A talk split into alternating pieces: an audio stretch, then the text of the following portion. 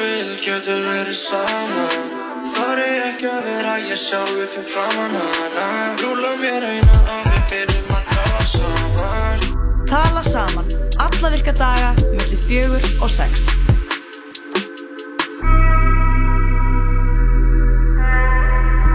Jú, jú, þið heyrðu rétt. Sýtast áttunum tala saman hefst hér með Jóhann Kristófur og Lóa Björk. Verð með þér, kæri lusandi, til klukkan 6 í dag. Lóa, Jói, jú, jú, við erum hér og uh, við fáum til okkar góða gæst í dag. Takk að þáttur. að mikið að strákum í dag Bara strákum í dag. Bara raðast einhvern veginn þannig niður Já, mér finnst það fínt að hafa svona bara svona gauðra þætti. Alveg gauðra út á setti. Það lefaði bara að standa og falla með þessari yfirlýsingu ekki nú mikið af þeim. Mér finnst alltaf fleiri gauðra í útvarp. Já. En, uh, Það gerir það svo sannlega jú, jú, uh, Allavega, við byrjum á því að uh, bjóða hann velkominningan Pétur Kernan mhm. Hann ætlar að segja okkur hvað hann myndi fá sér í síðustu kvöldmáltíð ef hann, ef hann væri á uh, döðadöldinni Alltaf var ekki bara barbells og overnight oats. Ég var að hugsa það, hlýtur að vera og svo skólaði niður með einum nokko. Jú, jú, að það kemur alltaf í ljósina eftir.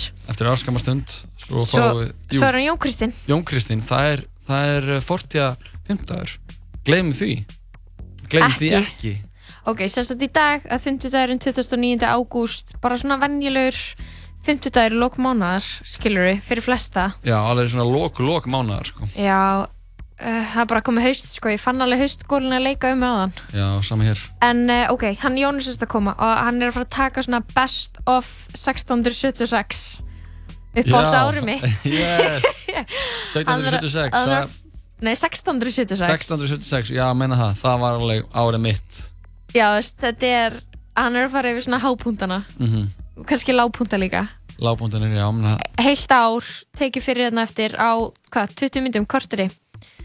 Raða eða tróða he heilu ári niður á korter. Ég er svo til í það sko. Uh, og hvað svo? Svo, svo, til okkar svo er uh, hann Tumi Gonzo Tumi Gonzo og Eithor uh, sem allir koma til okkar og uh, þeir eru að fara að byrja með að, vera, að byrja að vera smá reglulega gestir í okkur nú er það? Já, ég, ég hef það á tilfinningunni. Við, svona, að við ætlum að ráði þá eftir. Þeir ætlum að koma allan með eitthvað grín og eitthvað, eitthvað, svona, eitthvað skemmtilegt. Næs, þannig að ég er mjög spenntu fyrir því að því að ef þetta fer vel þá get ég alveg ímyndið mér að bjóða þeim aftur að koma. Ok. Og uh, svo fáum við til okkar hann uh, Guðfinn Sveinsson. Guðfinn Sveinsson sem er að halda tónleika með henni sýstu sinni, Kristínu Sveinsdóttur. Og uh, það segja okkur frá, aðeins frá svona tónleikum. segja okkur frá þeim. Ég hlakka til að hlakka til að heyra. Og uh, það er náttúrulega 45 dagur og við erum komin til ársins 2008 í músikvalinu já, hrun, uh, hrunið, efnaðshrunið Hrunið, efnahagshrunið hið allra, allra besta. Uh, hvað, það var oktober, november 2008 þegar að íslensku bankarnir eru gjaldþróta mm og ríkið þurfti að koma þeim til björgar Ah, og hvað tónlist voru við að, blasta á meðan? Hvað vorum við? Við vorum að hlusta á sko Paper Planes, náttúrulega kom úr 2008 Það er náttúrulega mjög íkonist lag. Já, maður spilaði það nú lengi vel eftir árið 2008 Já, og uh, sko, ég, hvað ég var að hlusta á, ég held að ég hef bara hvað, 2008, er ég þá, þá er ég að þú byrja veist í MH nýjunda bekku uh, nefnir, þú veist í Nei. tíunda bekku, ég er í nýjunda bekk. Já, ég byrjaði MH þannig að haustið 2008 nei, þú í þú byrjaðir, æjú það er rétt þegar, sorry. Já, Ég var kláraði- tíunda bekk já, ma- 2008. Já, maður kláraði tíunda bekk og byrjaði í, í MH, eða ég og þú uh, kláraði nýjunda og fórst í tíunda. Sko, ég var bara að hlusta á eitthvað svona gamalt hip-hop þannig svona old school hip-hop, ekki frá árinu 2008 þannig að hver var svona, hvað var current tónlistin á þessum tíma? Sko Lil Wayne, þetta er árið hans Lil Wayne. Þá erum við bara að fara að byrja á Lil Wayne lagi ég veit það, ég sko hann gaf út að, sem er að mér finnst ein besta hip-hop-plata allra tíma Já. platan The Carter 3 Mm. sem uh, framan á henni er mynd af smábarni sem er svona eins og hann í Já. jakkafötum með, með tattoo á höndunum og tattoo í framann og í jakkafötum Já. þetta var sjötta stúdíoplatan hans og hún seldi sko, við erum að tala um að þessi plata seldi heila miljón eintaka á fyrstu vikunni sem hún gefin út Guð, þetta eru tölur sem sjást ekki lengur. Núna var Young Thug hann er með plötu nummer 1 á Billboard listan með bandrækjunum mm. og hún seldi 147.000 endtök það er líka bara enginn eins og Lil Wayne. Heyrum við lag með honum og svo er hann Pítur Kernan innan hérna með okkur. Uh, já gröyt maðurinn. Þannig að hann er alltaf bara gröyt hann er að bara gröyt og uh, við ætlum að byrja á að hlusta. Ég held að ég spila ábygglega fleiri en eitt Lil Wayne lag í þættinum. Já, og þetta var svona hans stærsta commercial poplag til þessa eh, uh, lægið af plötunni The Carter 3 ásend Static Major lægið hittir Lollipop. Uh -huh. No homo I say he's so sweet. I wanna lick the rapper. So I let her lick the rapper. She, she, she lick me like a lollipop. Yeah. She, she lick me like a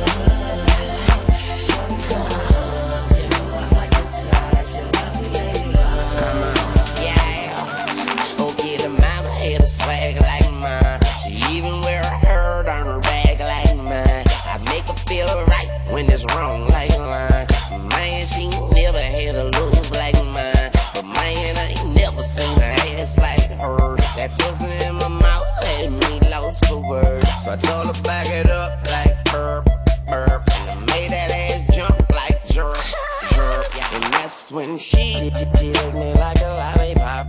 Oh yeah, I like that. She licked me like a lollipop.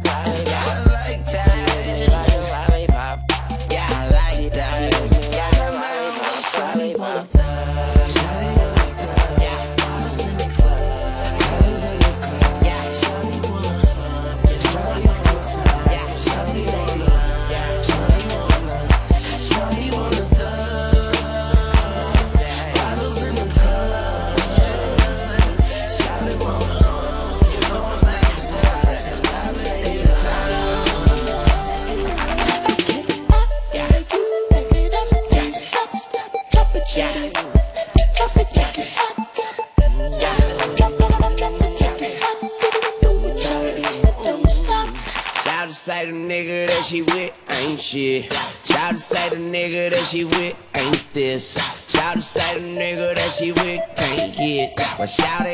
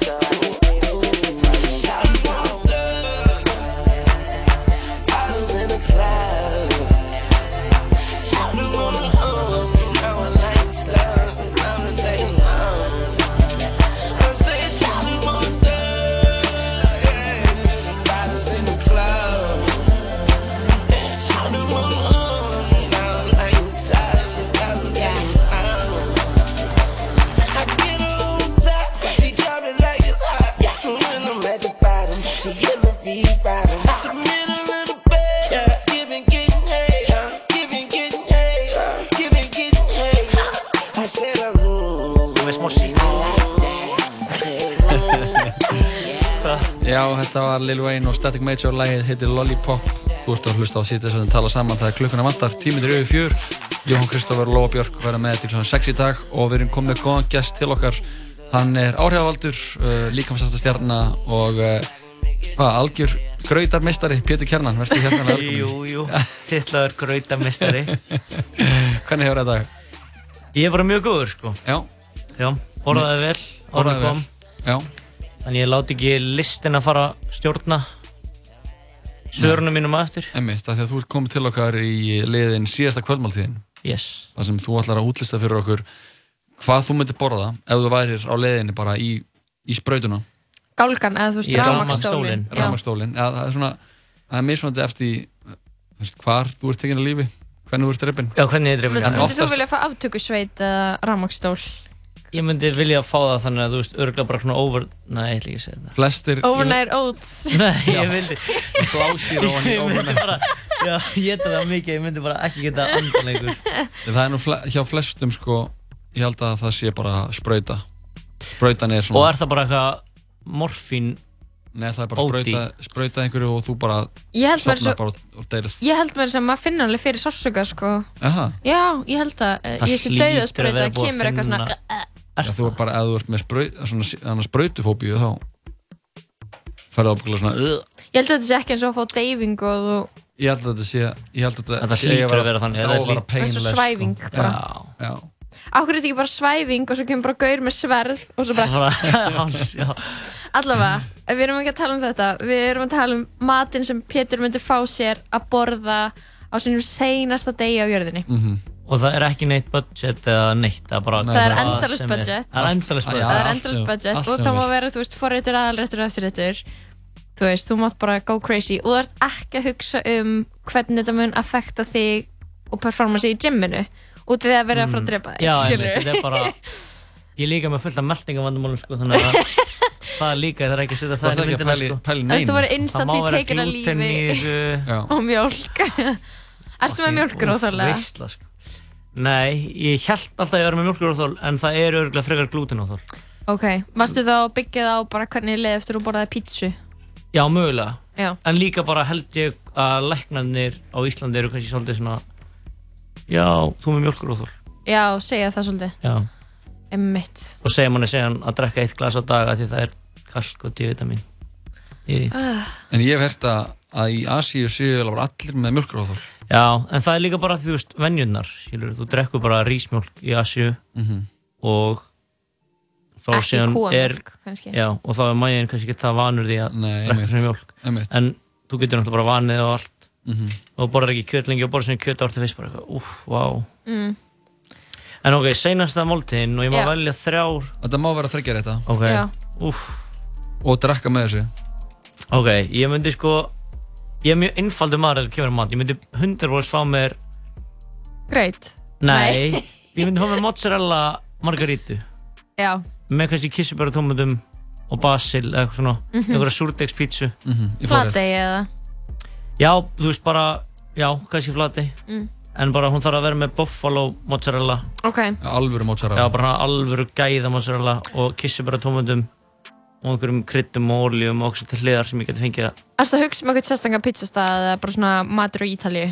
matur í Ítalíu. Já, þú veist, bara eitthvað svona bara það er að vera góð skilur, þú veist, ég myndi bara já. skilur og var ekki góð að fá nýja, þú veist, þú Ok. veist, bara, þetta er senasta máltíð minn um, drekka með, kannski hvítvín já, ég held að það er ekki Stemmar. Jói drekkur ekki. Segðu þú mér. Já, ég held að, ég held að ég myndi taka hvítin með henni. Náttúruvín, jável Nei, ég er enda ekkert það mikil fan á náttúruvín sko. Nei. Arnar Inga leit mig einhvern veginn að fá glasa því og það var bara smá eitthvað svona eins og kombucha Já, það var smá svo eplaðið sko. Já, Fannst mér. Sem er Ég- uppáhaldin að lóa Ég byrja allan mótna á eplaðið ekki til þess að þá liðið mér eins og ég sé að drekka náttúruvín Er það? Já, Vá En Nei. hérna, ég samt hef gert það líka Drukki bara inn á matski á dag sko.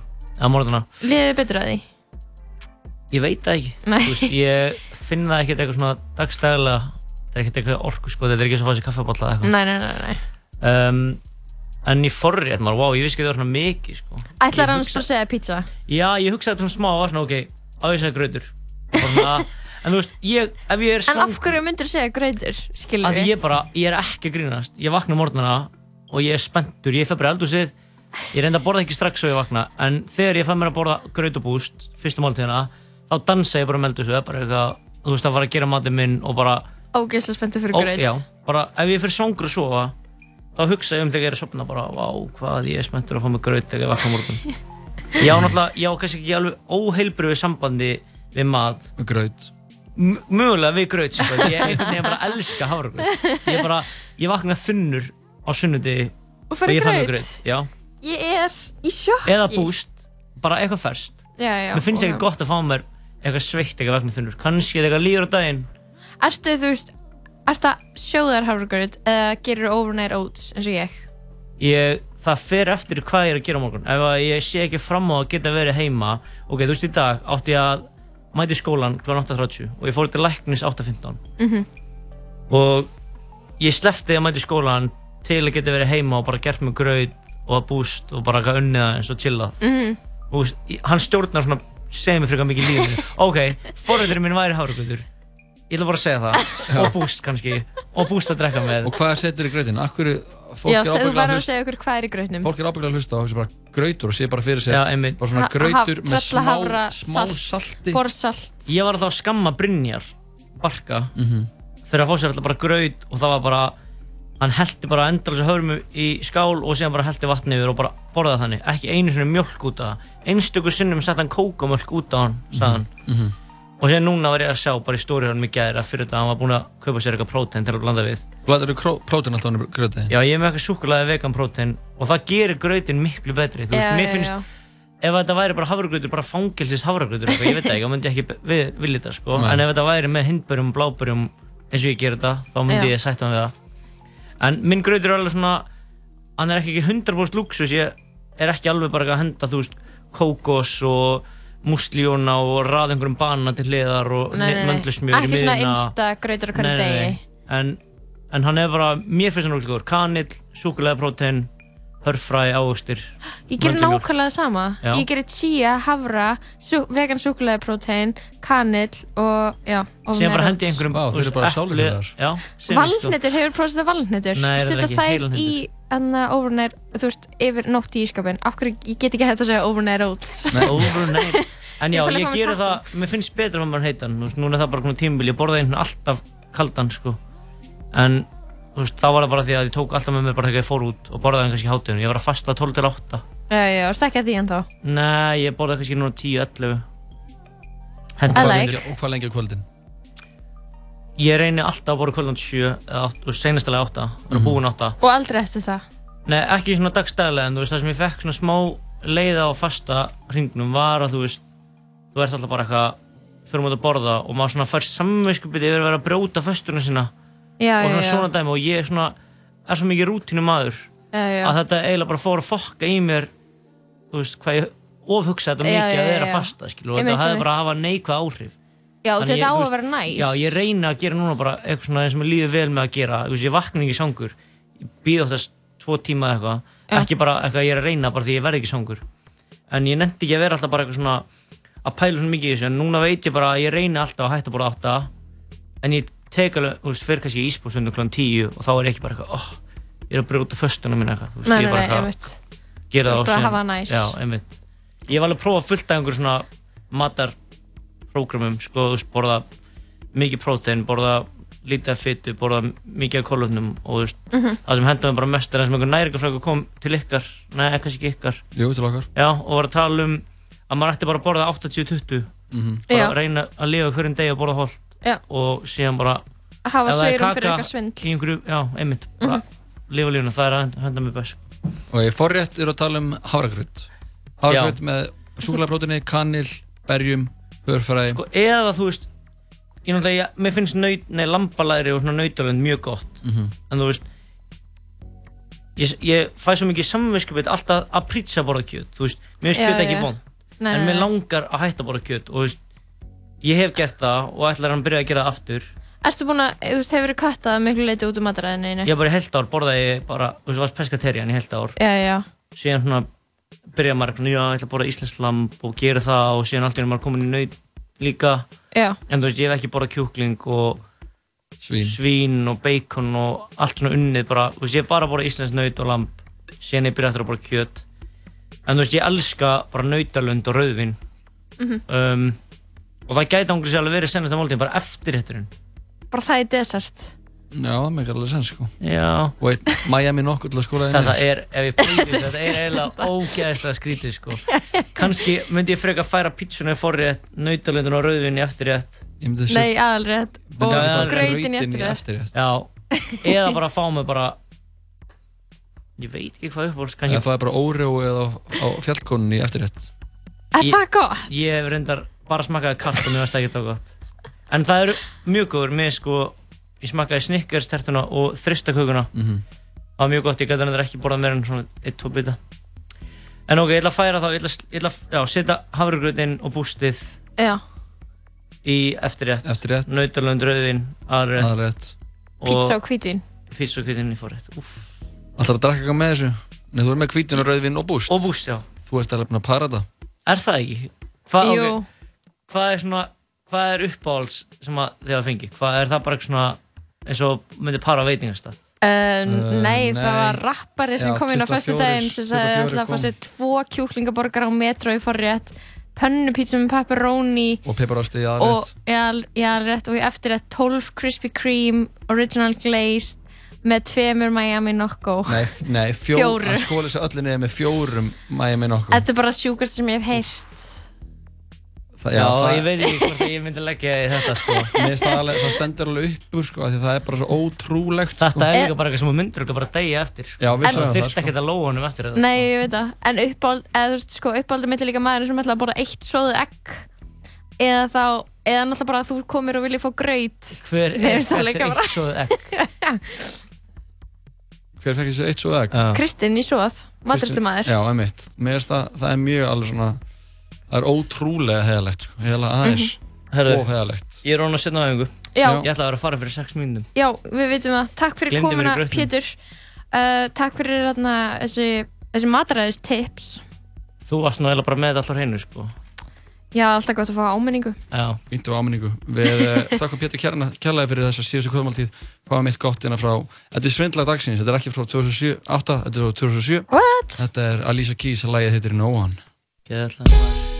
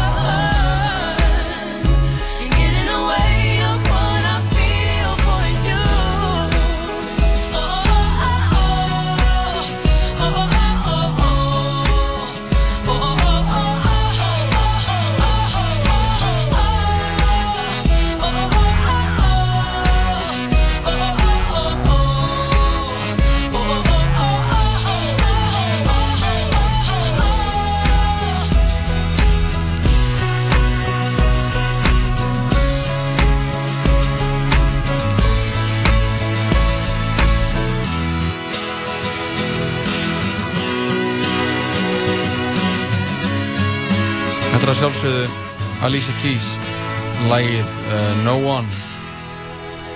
Þannig er þú svolítið að svindla og við ætlum að spila tónlist frá árið 2008 Það er alltaf eitt svindlag í hverjum þætti. Eða? Já, ég hef alltaf spilað eitt lag frá árinu áður. Eða? Já, ég tilkynna það líka alltaf. Vá, ég er bara búin að gleyma þessu. Já, af því að það er ofta svona oft eru lög, af því ég er að skoða svona topplistana yfir svona árslog 2008 Já. það er oft lög sem eru að, sem koma út kannski svona seint 2007 Ok, sem verða svo ótrúlega heit eða þú veist, koma út á plötu 2007 og eru síðan, þú veist, þriði singullin af plötunni bara kannski bara í oktober eða eitthvað. Einmitt, einmitt. Þannig að, eh, já, þetta er svona smá svindl en við tökum, höfum ekki, höfum ekki fleiri í þessum þetta Það var gaman að hafa Pétur hérna, hann uh, þurfti að drífa svo æfingu, hann var að tala um að síðustu kvöldmáltíðina sinna. Svo voru bara almennt að tala um mataræði. Mann náttúrulega er eiginlega heitasta umræðefni þess að dana eitthvað svona að vera vegan eða fasta Allir eða að um keto. Já, keto, eitthvað. Já, þú ert keto eða ekki? Nei, ég, ég er svona ofinbarlega hata keto. Já, ok, já, já, Mér finnst keto mataræðið örgulega bara að það asnalegasta sem til er. Akkur finnst það svona aðsannlegt út af því að það er bara kjöt í matnum. Já, keto er bara kjöt. Eða? fiskur, já það er Þegar- svona smá það er eitthvað svona smá uh, græmiti Já, þegar þú, segir, þegar þú segir kjöt telur þú þá fisk inn í það? Nei, ég tel ekki fisk. Finnst kjöt vera eitt og svo fiskur annar flokkur. Ok, ok. En ég veit ekki, finnst keto bara finnst þess að keto er svona úr takt veginn umræðina í samfélaginu. Mhm. það er bara, það er allir að tala um hvernig er á að minka kólumnissporið og þú Já. fær bara eitthvað matræði sem er um stærsta kólumnissporið Já, er svona og þú ert að borða ógeðslega mikið af kjöti. Eða mm hverjum langar að borða svona mikið af kjöti? Hvernig getur það aðal uppistæðan í fæðininu verið kjöt? Það er bara svona, já, það er spurning sko. Þetta er náttúrulega bara sumir dyrka kjöt og Já, þú- sumir vilja ekki borða neitt nema kjöt. Þú veist, ef ég myndi dyrka brauð ég myndi samt ekki vilja borða bara brauð skilur við, Nei, þú veist, ég myndi aldrei vera að vera okkur brauð matræði virðist vera líka hluta af eitthvað svona fagufræði eins og þú þarf að fylgjast með hann að honum uh, Jóni Jón Arnór þetta er ekki sem uh, var með mjölni núna með hann að hitt Jimmyð Matrix ok, það hver er Jón hann ekki Jón Viðar. Jón Viðar, jú, jú, jú Jón Viðar, jú. Uh, sem var, var í mjölni og núna með hann að NTC Matrix held ég heiti. Hann borðaði mikið kjöt og, og, og er oft bara svona að borða kjöt í morgumat steikja sér steikja sér steik í morgumat eða hvað er það? þetta er eitthvað svona fagafræði sem fólk aðhyllist. Að, að að þetta virðist haldast í hendur við eitthvað svona karlmennsku hugmyndir. hugmyndir. 100% og sko. að keto er örugglega svona mesta karlmennsku matræði sem getur verið á. Að fyrir utan íslenska kúrin. Já, er keto og íslenski kúrin ekki næstu því það sama eða? Nei, því að þegar hann hann, hann Sigmundur Davíð var á íslenska kúrunum þá var hann að borða hakk, rátt hakk ofan á sko ofan á keks. Já, og keks er náttúrulega ekki kjöðu nei, einmitt. Má ekki einu sinni borða smá af því, eða þú veist? Nei, ég held ekki að, þú veist, ég, bara ekki bita af keksi. Ég, ég er ekki alveg með það á hreinu af því ég er ég þekki held ég engan. Að, jú, ég þekki alveg engan en ég hef aldrei, ég hef aldrei eitthvað svona reynd að kynna mér keto dæminn eitt og mikið en þeir voru, það er náttúrulega Eithor Arnalds, hann var náttúrulega í kastljósinu. Horfður á hann í kastljósinu? nei, horfðu þú á hann? Nei. Ok, dem, þá getum við ekki rætt það. Þá getur ekki rætt það, en hann var í náttúrulega í þessum kjötból já, og, uh, og nú voru hatari að gefa eitthvað svona mótsvar. Já, þeir voru í hann Matti hattar að vera í ból sem stóð á grænmeti. Já, það er náttúrulega þar höfum við það. Þarna ákveðin ko og komið komi svar frá uh, poppinu? Já, einni svona stærstu og svona mestu svona einni þeirri hljómsveit sem hefur látið umræðana sig svona hvað mest var það?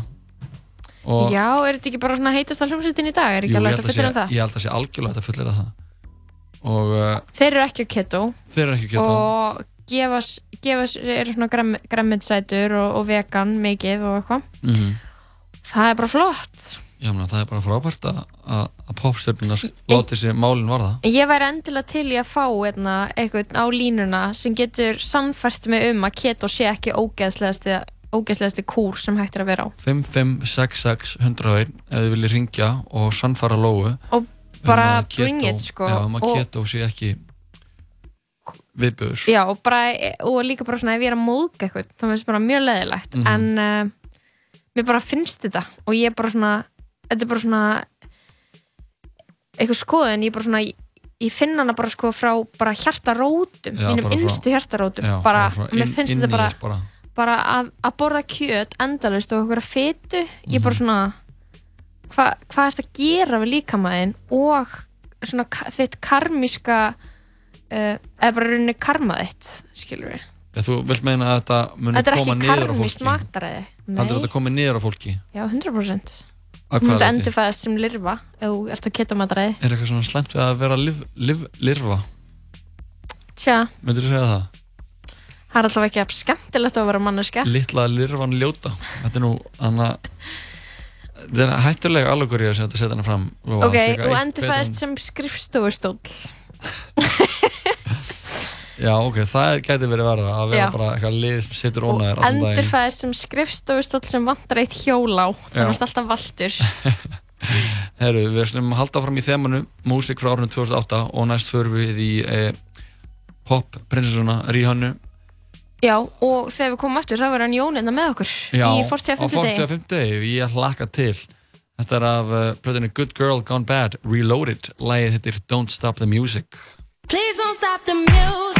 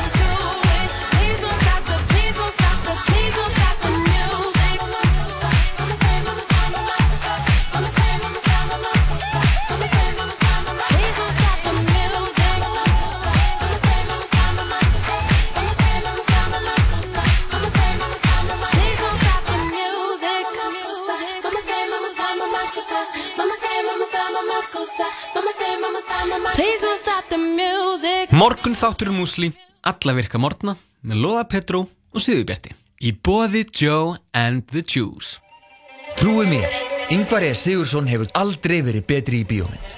Viltu vera fallega sögu? Eða ljóta?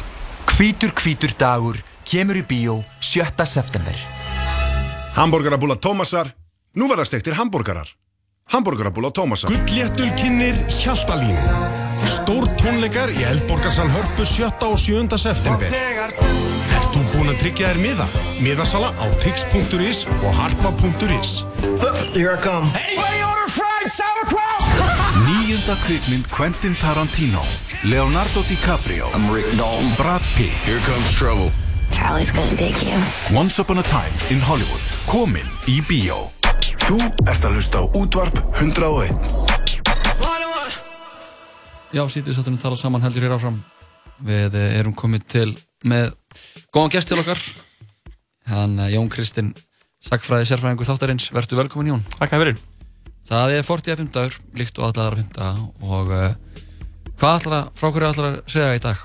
Já, ég verði held ég bara að byrja á því að byrja stafskunar Ég hérna, sagði við ykkur að við ætlum að tala um árið 1676 En það er 1676 Raunar árið 1677 Ah, Ég hérna Bara mín mistök Já, um, við fyrirgefum þetta En vonandi. hérna, við ætlum sem sagt að hafa þetta svolítið óheðbundið Mhm. uh, Í staðin fyrir að taka fyrir eitthvað efni þá ætlum við að taka fyrir bara eitt ár Mhm. í Íslandsögunni og það er árið 1677 fá svona smá innlitt Já. kíkja inn um kíkja í pakkan, Mhm. hvað var að gerast. Hvað er svona sérstætt við þetta ár? ekki neitt nefnilega það er hérna það sem er mjög veist áhugavert sko. af því að venjulega þegar eitthvað er, er dreigið úr fortíðinni þá er uh, einhver ástæði fyrir því sko. Mhm. en það getur nefnilega alveg verið jafn fróðlegt að að skeignast inn í hana bara Þegar það er venjulegt bara. Já, bara handahófið sko Já. og það segir okkur alveg mikið, jafnvel meira því að það eru um, það er algengar að hlutinir séu venjulegir eða óvenjulegir bara mhm. samkvæmt þeirri skilgræningu Já. um, en sem sagt árið Hljómar vel. 1677 þetta er svona uh, í svona Evropu samingi sko þá er þarna gullallaskeið spánara að líðundur lók uh, hollendingar eru gífulega sterkir á sviði verslunar og viðskipta um, Lóðvík 14. Sólkonungurinn franski er að, er að byggja sína hölli í Versölum og uh, það er þarna stríð á Norrlöndum, Skánska stríðið stóð yfir 1674-9 milli, milli Danmerkur og, og Svíþjór aðalega um, var hluti af einum svo kallu svíja stríðum og, snerustum yfiráði við Skáni en við ætlum að tala um Ísland og uh, ég held að svona þetta þessi nálgun sé svona ágætt til þess að uh, átta sig aðeins á því hvernig uh, stjórnkerfið virkaði, hverjir voru uh, ströðumarnir hugmyndasögulega séð Mhm. og bara átta sig á stöðinu á Íslandi á þessum tíma Já. og ef, ef við byrjum að því grípa bara í annala þá er, uh, hérna, ég tók bara nokkuð dæmi það drauknar kona í apavatni um, maður sem að á rifi á Snæfellsnesi uh, fellur í ómegin af kappróðri og er dregin örendur uh, á land. Hann var sett bara, já þreyttur. bara reyri yfir sig sko. Að reyri yfir sig. Ég vissi ekki að kappróður hefði verið eitthvað sem fólk gerði, gerði á Íslandi árum áður. Nei, ég vissi ekki heldur. Um, Þetta hefur grunlega verið eitthvað, svona, eitthvað sem fólk stundaði sko. Já, og það er einmitt svona hlutir sem að staðist inn í. Mhm. um, heimildir eins og annala og veðurfar er hérna kemur fyrir líka, það er vetur eru góður frá jólum. Uh, miðlungsvor en gott sumar. Um, og svo er grasvöxtur og heiskapur í meðalhofi haustið er gott og, og góður vetur til jóla. Um, það er mikill þjófnaður í landinu. Mikill þjófnaður? Já, þjófar eru víða hittir og, eða eitt þjófur hengdur held ég í Stengirsfjörði og eh, þetta er svo sem eitthvað sem kemur fyrir oft sko, það er svona, menn er að barma sér yfir uh, því að þessi mikið uh, flakk á fólki, mikið að betlurum og Mhm. svona, maður veit ekki hvort að það er rétt eða ekki, það er kannski einhver hystería bara. Mm. en kannski ekki en uh, svona í stjórnkerfinu þá erum við með Henrik Bjelke hann er þarna stiftandmaður yfir Íslandi og hann Höfum við talað um hann áður? Við Bjarke? eitthvað minnst á hann, já, hann er sem sagt, sko, hefur haft fórustu um að innlega einveldið á Íslandi Já. 1662 og það er Kópavóksfundurinn og þegar Ísland hætti að vera sagt, uh, bara lén sem að hirstjóri leigði af konungi og, og, og borgaði bara mánarlega leigu til heldur verður uh, Ísland bara, konungurinn hefur beini yfir að yfir Íslandi. Mhm. og aðeins embætismæðurinn stifnumæður er bara embætismæður konungs og konungur fær sagt, skattana til sín en, en, en hann fær ekki um, bara fasta leigu sem er að fara meiri pening. Og um, og, og Bjelke er þessi fulltrúi hans. En svo eru þetta sumir sakfræðingar sem vilja meina að Bjelke sko hafi ekki verið stiftatmaður það er að, að einvildis hillingin hafi farið fram með því skilir að engar breytingar yrðu á íslenska stjórnkerfinu fyrir hann að Bjelke létist sem gerist 1683 og, og, og þá sé hann hirstjóri um, þetta er nú eitthvað sem við látum bara líka möllu hluta held ég að sinni. Já, gera það um, en biskup í skálagt á þessum tíma er Þóruður Þorláksson hann er prestastefnu dómar hans hafi verið gefnir út og uh, á, á þessu ári 1677 er meðal annars rætt um greftranir Mhm. Á hvað að fara að stokka upp þar og breyta eitthvað til eða um, greftur hann á líkum þá eða? já það er sem sagt verið að ræða sko, hvað það verið að líða langur tími frá því að að manneskja deyr þangar til að líkið er jarðað Mhm.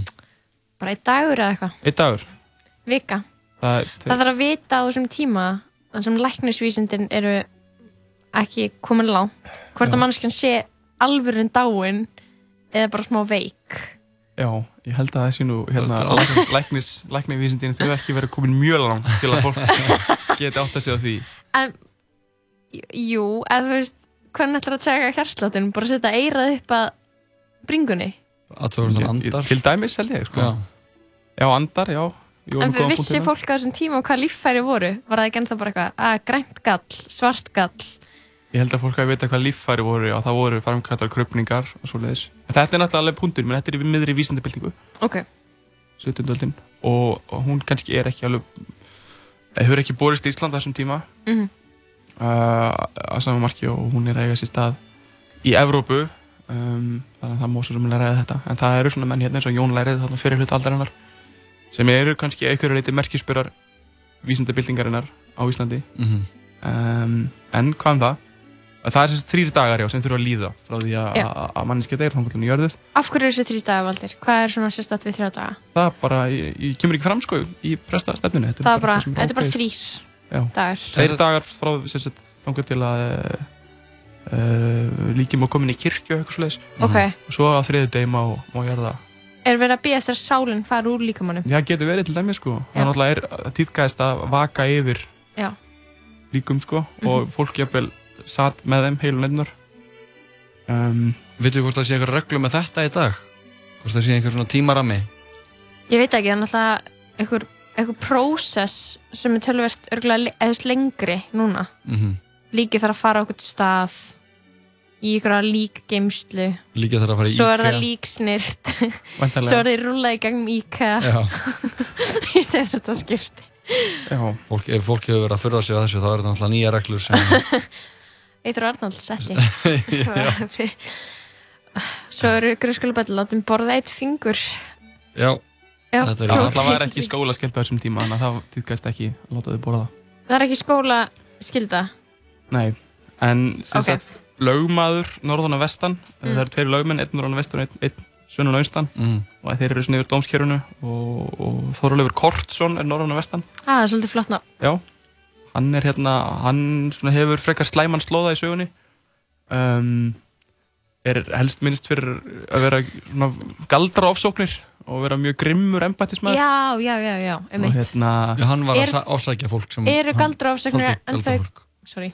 Ef Hann var, hann var ekki ofsóttur, hann var svo sem ofsótti hann var Já, sá já, sem já. ofsótti á Já. gerandinn sko. Og Um, voru galdra ofsagnir ennþá í gangi 1677? Já, já, við erum með þetta að fara að koma að því sko. Ok. uh, og, og já, alþingi sem sagt, lögréttan árið 1677 það eru svona nokkri hlutir sem eru áberandi þar í þessum dómsmálum og þetta er náttúrulega sá tími þegar refsingar eru hvað harðastar uh, og við bara hérna grípum niður í eitt mál þá er hérna Bessi Eiríksson er tekin af lífi fyrir þjófnað Mhm. um, það er fjallað um mál Arons Bjarnasonar sem hafi verið sagaður um að flytja enskan mann til landsins Samuel Banfeld en, en það er náttúrulega bannað, erlendi menn með ekki hafa vetursett á Íslandi Það er svo Eh, og lög. kveð er Það mega bara ekki. frá 1490 Vá. Nei, þá er hugmyndin sem að það sé samkeppni um vinnuafl Mhm. uh, sem að er ekki hérna, bændur og svona höfðingjar vil ekki Það var basically Donald Trump rökin Já, já, já, það er svona ákveðin verndastefna reikin hana Já. Um, Erlendi menn með ekki hafa vetursetu og einhver te tekur, að, tekur upp á því að smikla englendingi til landsins. Já, en sem sagt- Íslendingar eru náttúrulega bara stórkustlegir Aron, það kemur sér til ljósa að Samuel þessi er með uh, ykkur pappir upp á það vera hérna og hann er síknaður uh, en svo er Átni Pétursson hann kemst líka í hann krappar út af þessum Samuel og er ákjörður fyrir að flutt sem sagt farangurinn hans uh, á Barðaströnd Mhm. og fyrir að hafa leiðsagt hollenskum mönnum uh, í Flatey og, og venjulega ef ég skildi rétt þá hefði Átni verið sektaður en vegna þess að hann er uh, til utan hefst langvarandi félaus og illa kynntur til utan líkur, illa kynntur því það var bara illa séður Já. um, Það er alltaf bara ekki, ekki cool bara Langvarandi félags og illa kynntur Já. með þetta nú nokkur þannig í hug sem ég geti get fara að lýsa svona. Já, en þá er sem sagt ákvörðurinn svo að hann honum byrja að þóla það sem kallað er stóra og alvarlega húðlátsrefsingu. Uh, og þá er er gott. í, í hér að heima sem fara að ákveða hversu hörð svo refsing er. Já. um, en svo er náttúrulega galdramál líka. Uh, 17. öldin, þetta er brennuöldin öld galdrabrenna. Og, og, og stendur yfir frá 1608 til 85 uh, við miðum við, við fyrsta einstaklingin sem er brendur á báli og, og þann síðasta og það eru 23 einstaklingar sem eru brendir fyrir galdur á 17. öldinni og, og þetta eru hugmyndir sem að eða við stiklum bara stóri sem að berast inga til lands með, með embætismunum sem hafi verið uh, við nám í Danmörku og, og Dönum uh, Holger Rosenkrantz sem var höfðusmár í Íslandi á fyrirluta 17. aldar hann er uh, innleiðið mikið af, af, af galdra löggjöf og, og þetta á svona rætur sínar að reykja til uh, katholsku kirkjunar mm, óta við djöfla og, og, galdur í öðrum trúabröðum og innan uh, kristni og svo skapast þarna einhver ástæður, aðstæður segi ég, á þessu tímabili sem að um, fræðimenn hafa útskýrt að valdi þessu galdrafári sem kallað er Mhm. það er eh, svona þegar, þegar því er að ljúka í Evrópu þá er stendur þetta yfir á Íslandi sem að hefur bara verið rækið til, til langtræðilegar var til legu landsins og, og 1677 Enga, engar aðra ástæði fyrir þetta að gera setna bara lega landsins Já, það bara tekur tíma fyrir svona hugmyndaströma að berast. Ef eitthvað er komið í hámæli, segjum í Európu, þá þarf Íslendingur að ferðast í Kaupanhafnar, vera þar við nám í fimm ár uh, og koma svo aftur og kynna þessar hugmyndir kynna þessar hugmyndir, koma þeim, gera þær að einhverju normi, um, fá embættisveitingu, koma þess inn í löggjöfina og svo framvegis. Já. Þannig að þetta er svona svolítið seg, fljótandi. frekar heldur en bara allir eru á sömu sömu heimsálunni og ferðast auðvöldlega á milli landa Uh, til Íslands. Já, nei, í Evrópu, þú veist Já, já, já, já, það fljótar að berast á milli Já, en auðvitað eru öruglega einhver jaðarsvæði Európu líka þar sem þetta ber Já. Síðar, ég bara þekki það ekki nú vel. Við, voru við seinust þá til þess að vera að brenna fólk fyrir galdra? Ég er svona með þeim setna allavega, um, en þannig að þú verður að gera þetta í bandaríkjunum, þannig að uh, þannig að Salhem, uh, Nortnaði rétturhaldin þar eru undir lók 17. aldar, þannig að það er annað dæmi. Um, og, og já, þetta er 1677 er áleitað um galdra áburð sem Bjarni Jónsson og hans kona Ingibjörg Pálsdóttir höfðu uh, borið á Bjarna, Bjarnason í, í Berjadal fyrir vestan og Ingibjörg sem er sem sagt látin á þessu stiði málsins, hún vildi meina að Bjarni hefði uh, verið valdur að, að veikindum hennar Mhm. og svo eru svona ýmsar aðrir sem bera vitnisspörð um þetta og, og staðfesta þeirra uh, þessar ásakanir þeirra og þar kemur meðal annars fram að Bjarni hafi haft í fórum sínum það sem er kallað ólöglegir karakteris eða sem sagt bara galdrastafir Mhm.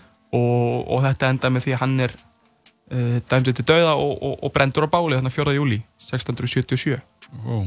þannig að Við vorum aðalega að, að, taka menn af lífi eða Íslandingur voru aðalega að taka menn af lífi fyrir galdra meðan að svona normið í Evrópu voru konur akkurat og það er engin skýring á þessu sem er eitthvað svona ekki, ekki, nei, ekki einskýring sko. það hefur bara verið minnst á að það veginn á galdur á Íslandi er ekki tengdur við þessa sömu kyn, óra svona slíkar hugmyndir eins og er gert í Evrópu.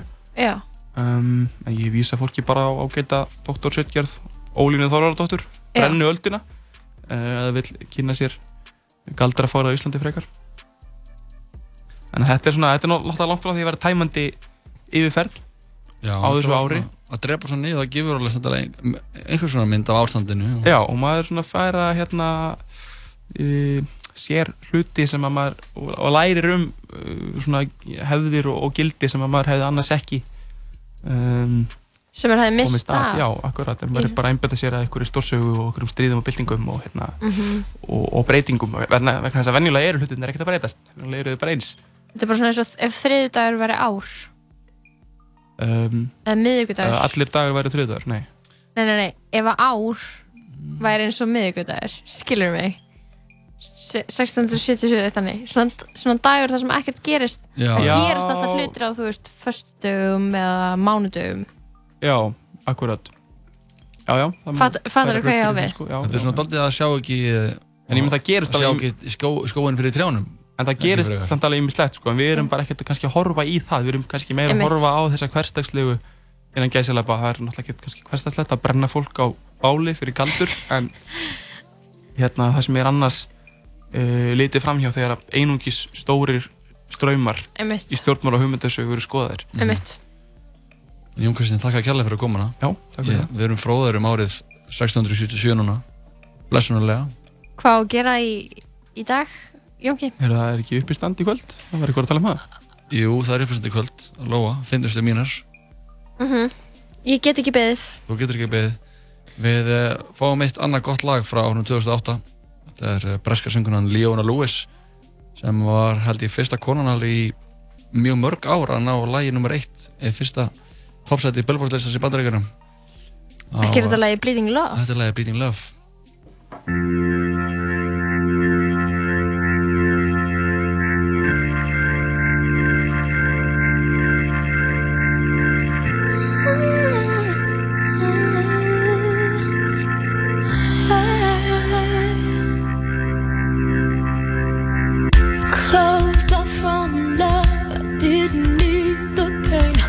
Once or twice was enough, and it was all in vain.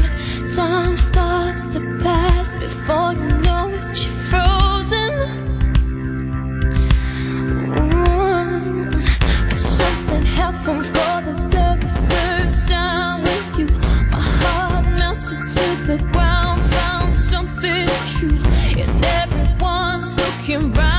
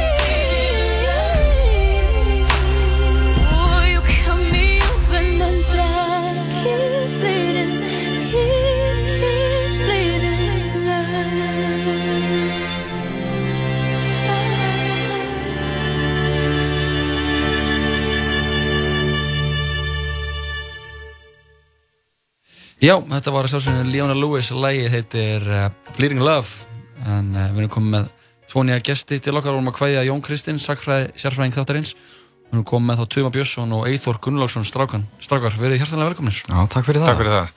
Hvernig hafið þetta? Uh, bara mjög fínt. Þokkalegt bara. Hress, bakur, kátur. Já, bara rólegir Uh, mjög svo. En þið erum að koma til okkar hérna í, í fyrsta skipti í þáttum Já, og það er heiður. Já. Algjör, sko. Og uh, ég er náttúrulega að byrja að óskalla hamingi með þáttinn. Já, takk fyrir það. Óminni Já, það er, hérna, er að gera þætti sem heitir, heitir Óminni sem því bara blackout. Emitt. Íslenska orðið fyrir því. Íslenska orðið er blackout. Kemur á stöðu 2 núna 3. september. Já. Er þetta ekki þrýr þáttir? Þrý þættir, jú. Já. 35 myndu hver. Ok, um hvað er þeir? Herðu, þetta er um sem sagt fíknarna neyslu ungmenna á Íslandi í dag, hvernig sem sagt uh, neysluminstur er búið að breytast frá því bara í gamla daga. Bara svona fyrst og fremst að gera þetta idiot proof fyrir eldri kynnslóðinni Mhm. og tala sér um, um sjúkdóminn, fíknisjúkdóminn og, og, Mhm. og allt það og það vantar eiginlega taldi mikið að því í íslensku samfélagi sko. Þetta er svo mikið tabu eitthvað og einhverju auðmingjar og eitthvað svolítið sem er Einmitt. náttúrulega kjaftaði sko. Emitt, já, þetta er sjúkdómur Já. Bara eins og kvef eða Já, algjörlega sko. En uh, strákar, þið vorum að undirbúa eitthvað fyrir okkur, eða ekki? Jú, við erum komið til að tala um slagsmála mæ. Slagsmála mæ? Já. Hvað er slagsmála mæ?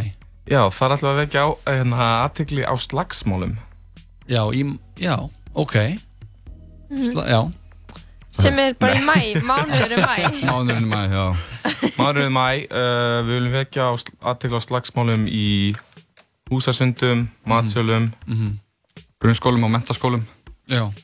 Er svona mikið af slagsmálum með það? Þeim fer fjölgandi, sko. Það er alltaf nóg að hundum, sko. Það er nóg af hundum. Einmitt Já, og viljið þið vekja aðtikla á slagsmálum til þess að, að- að mæla með þeim eða mæla gegn þeim eða eru þið kannski bara svona að vekja, aðtikla þeim? Þau er bara að þið séu þarna, sko. Já, já Fólk, þetta verður svona vitundavakning um þau og skapa umræðu. Umræðum slagsmál, já, mér finnst það kannski komið tími á að við ræðum slagsmál aðeins meira Já. Það er lítið talað um hjartlægu slagsmálin, sko. Þessi falluðu. Hvað er það? Eða þú veist, Þessi hjartlægu. Andlegu. Andlega slagsmál. Það geta líka verið líkanleg, sko. Þessi falluðu slagsmál, ég veit ég alveg hvernig er það þegar maður er að berjast við eitthvað sem maður elskar þá að Ætli það ekki. En við getum líka að tala um einhverja aðra hluti. Ég meina, ég, við erum rétt svo byrjaðar að, að vekja aðtikla á slagsmála mæ, ég meina, við erum alveg staldra, staldra eins þar við, hafið þið lent í slagsmálum með það? Ég hef aldrei lent í slagsmálum. Uh, já, eitthvað heldur, tíman á sko. unga aldrei, sko. Já. Ég var samt aldrei mikið slagsmála hundur, sko. Nei, ég hef lent bara í, já, sem, sem barn lent ég í slagsmálum En, uh, Ég var einu svona slegin utan endur í um, myndlistatíma. En grunnskóla. hvað varstu komur? 11 ára. Og hvað hva kom til á sleginu döndur? Um, ég held ég hefði sagt bækjabráðum mínum að. Já. Og að slá mig utan endur. Frekar sangjant myndi ég segja Eða? Hvað, samt, hvað, þú veist, akkur er meira um það krakkar sér lendi í slagsmálum heldur en, þú veist, þú ert komin á eldri ár. Að þið eru svo óbeistlar þegar þú er krakki Ef það er ekki meira eitthvað svona tilfinningarlegt eitthvað. Jú, að ég- tilfinningar. Ég held að þú sért að þú þú hefur ekki verkvæðin til þess að vinna úr því þið líður einhvern veginn Nei. og það bara svona alveg bara svona "Ah", og bara slærðu þú Allt veist er alltaf impulsa. og kemur bara Lóa Björk og segir fokka þér og þú slæra nöðandir Já, veist ekki hver, hvað átt að svara við því, sko. Nei. Það er okkur, það, það er svona að tala um, með slagsmálum mæ. Það frekar bara að sína meiri ást, sko. Og Ok. akkur mæ þá er, er Það er svolítið langt í það. Já, mæ á næsta ári, ný- mæ 2020 eða bara svona alltaf í mæ Já, þetta væri svo móttu maður sem bara slagsmála mæ. Ég skil, já, Ok. þetta er svona átak Þetta er svona átak, sko. Þetta er átak, þetta er, það geti með þess að vera með hashtag, sko. Já, og hvað hva? Fólk geti deilt reynslusögum. Já. Það hafa nú öruglega margir verið kýldir einhvern tímann af henni. Já. Það er ekki þægilegt. Við erum ekki að tala um ofbeldi, hérna. við erum ekki að tala um eins og fokk ofbeldi átaki eða eitthvað þannig. Við erum bara að tala um slagsmál. Já. En fokk ofbeldi, það væri alveg mögulegt að að Linka upp. linka upp, sko. Já, link up, slagsmála mæ og, og Fokk ofbeldi, já. Já, menn þetta er, þetta- þetta er pæling En þið myndu þá bara vekja aðtikla á slagsmálum í, í, í mæ og uh, væri haldið einhverju svona eventar væri haldinn Já, það væri hérna, slagur náttúrulega. Já, eitt slagur. Eitt slagur. Já. Mm. Það sem hérna, það væri svona kontenterar. Já. en þeir myndu berjast fattaru til þess að safna fjö til þess að binda enda á slagsmál Já, já, já. það væri, það myndi mega sens Hverja- Háttvirtir einstaklingar Já, hverja myndu þið vilja fá til að taka þátt? og svona, fyrstu sem poppar upp hjá mér er Óta Proppi og Katrín Jakobs Í slag? Já, Ok. Já. bara Að þau myndu slást og þá væri það, væri það þá bara á Arnarhóli eða hvar sæju þið viðbjörn fyrir? Mm, Hljómskólagarðurinn kannski? Já, hljómskólagarðurinn. Alltaf við, svona algengur við, svona venue. Já, já, já, já. Og uh, einhverju fleiri sem þið sæju fyrir ykkur?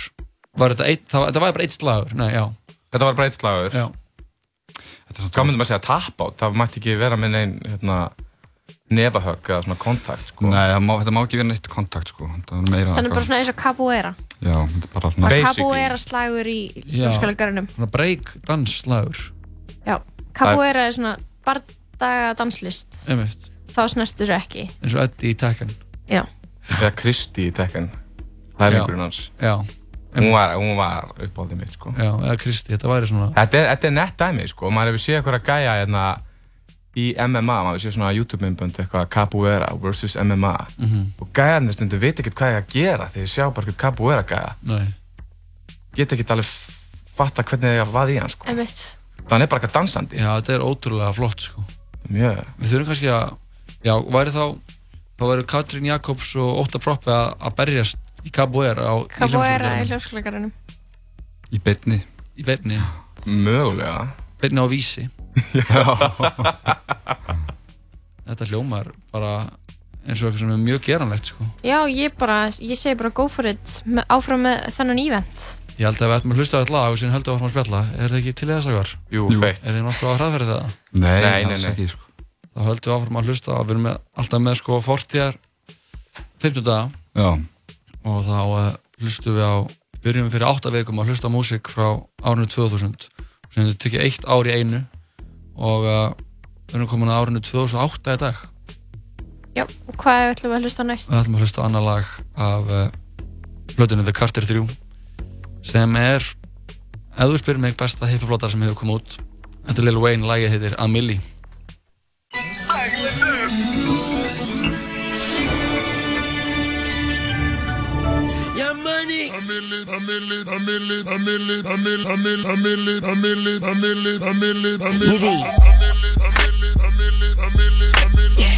Mac, I'm gone now.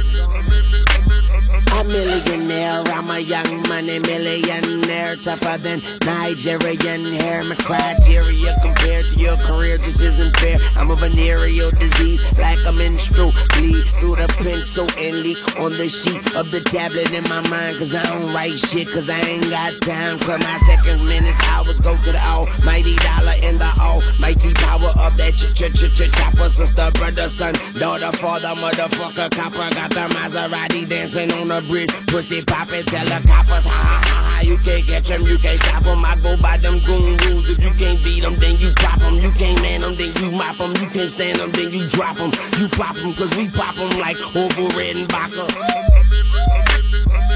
Motherfucker, I'm ill. Yeah.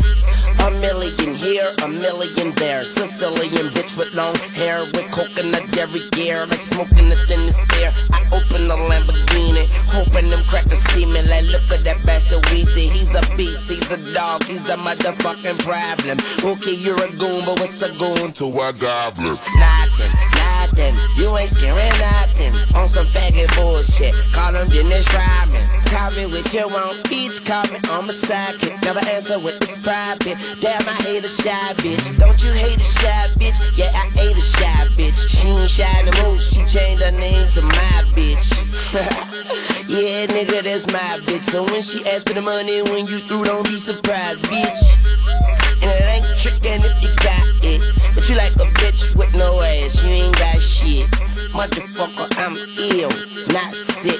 And I'm okay, but my watch sick. Yeah, my drop sick. Yeah, my Glock sick. And my not thick. I'm ill. Motherfucker, I'm ill. Yeah. See, they say I'm rapping like Big J and Tupac. i Andre 3000. Where is Erica do act. Who that? Who that said they gon' be Lil Wayne? My name ain't big, but I keep that flame name. Who that wanna do that? Boy, you knew that you that spoiler. And I be this shit, now you got loose powers. I don't owe you like two vowels. But I would like for you to pay me by the hour. And I'd rather be pushing flowers than to be in the pen sharing showers. Tony told us this world was ours, and the Bible told us every girl was sour.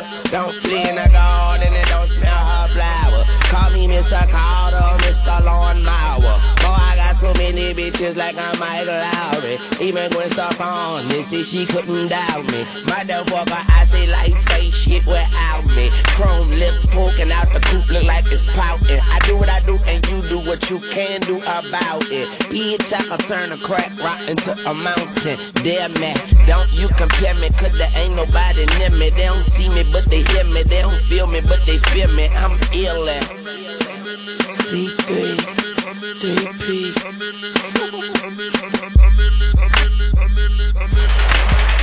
Tala saman Alla virka daga millir fjögur og sex. Í bóði Dominos og Once Upon a Time in Hollywood. Komin í bíó. Já, sýndist að þú tala saman hér á útvarf 101 við höldum áfram. Jón Kristóður og Lóa Björk værið með til kl. 6 í dag. Og við erum með þá Tuma og Eithor hjá okkur í stúdíónu og uh, strákar, við erum reglulega með lið sem heitir Vandamálið þar sem við fáum uh, send vandamál hlustenda þáttarins og við svona gerum okkar besta í að reyna að finna einhverja lausn á vandamálum uh, okkar kæru hlustenda og uh, ykkur barst vandamál sem þið áttuð að bera upp hérna fyrir okkur. Jú. það er ekki rétt mér? Jú. og þetta var einhver, einhver greinilega einhver hlustandi sem vildi ekki senda frá sinni eigin netfangi. Þannig að hann sendi á ykkur þegar hann heyrði að þið voru á leiðinni í útvarpið og, og uh, ég meina við skiljum það. 100% sko. Já. Ég er bara, ég er spennt að heyra sko Þannig að við eigum, eigum við að leysa þetta öll fjögur Já, það er ekki bara? bara Já. all fjögur að leysa þetta sko. Þetta er náttúrulega, við reynum að hjálpa þessum, þessum, þessum strák sko. Já, Eyþór, Hvað er kannski, sko? vilt þú kannski ríða á vaðið, Eyþór? Og... Já, ég skal hérna, ég er með brefið hérna fyrir Þú er með breiðið fyrir fram að þig. Hann hérna sem sagt gaf okkur þetta hér sem sagt, og svona hljóm, hljómar það Hæ, útvarp 101 og til hamingi með þáttinn Ég er 18 ára strákur úr VFSB og elska að hlusta á ykkur. Vill bara benda ykkur á áður en ég spyr ykkur um ráð varandi ástalíf mitt að það væri ógeðslega gaman ef þátturinn myndi heita Syngja saman einu sinni í viku með viðeigandi content. Hence the name. Haha, líka Ok. Sko, í sumar fór ég á Galtalæk um Veslunumanna helgi í sumar. Og það var sko fjör. Ég gist í tjaldi með mömmu, pappa, sýstu minni og vinkonu hennar sem er ekki frásögu, sem er ekki story to tell nema þau söpnuðu öll á undan mér um svona tvölitið eftir brennuna en ég var glaðvakandi. Ok. Eina sem ég heyrði voru hrótunar í pappa sem voru að gera mig, gera mig mad as fuck. Ég heyrði líka í fjörinu úti og vildi vera með. Svo ég stökk á fætur og skreið út úr tjaldinu.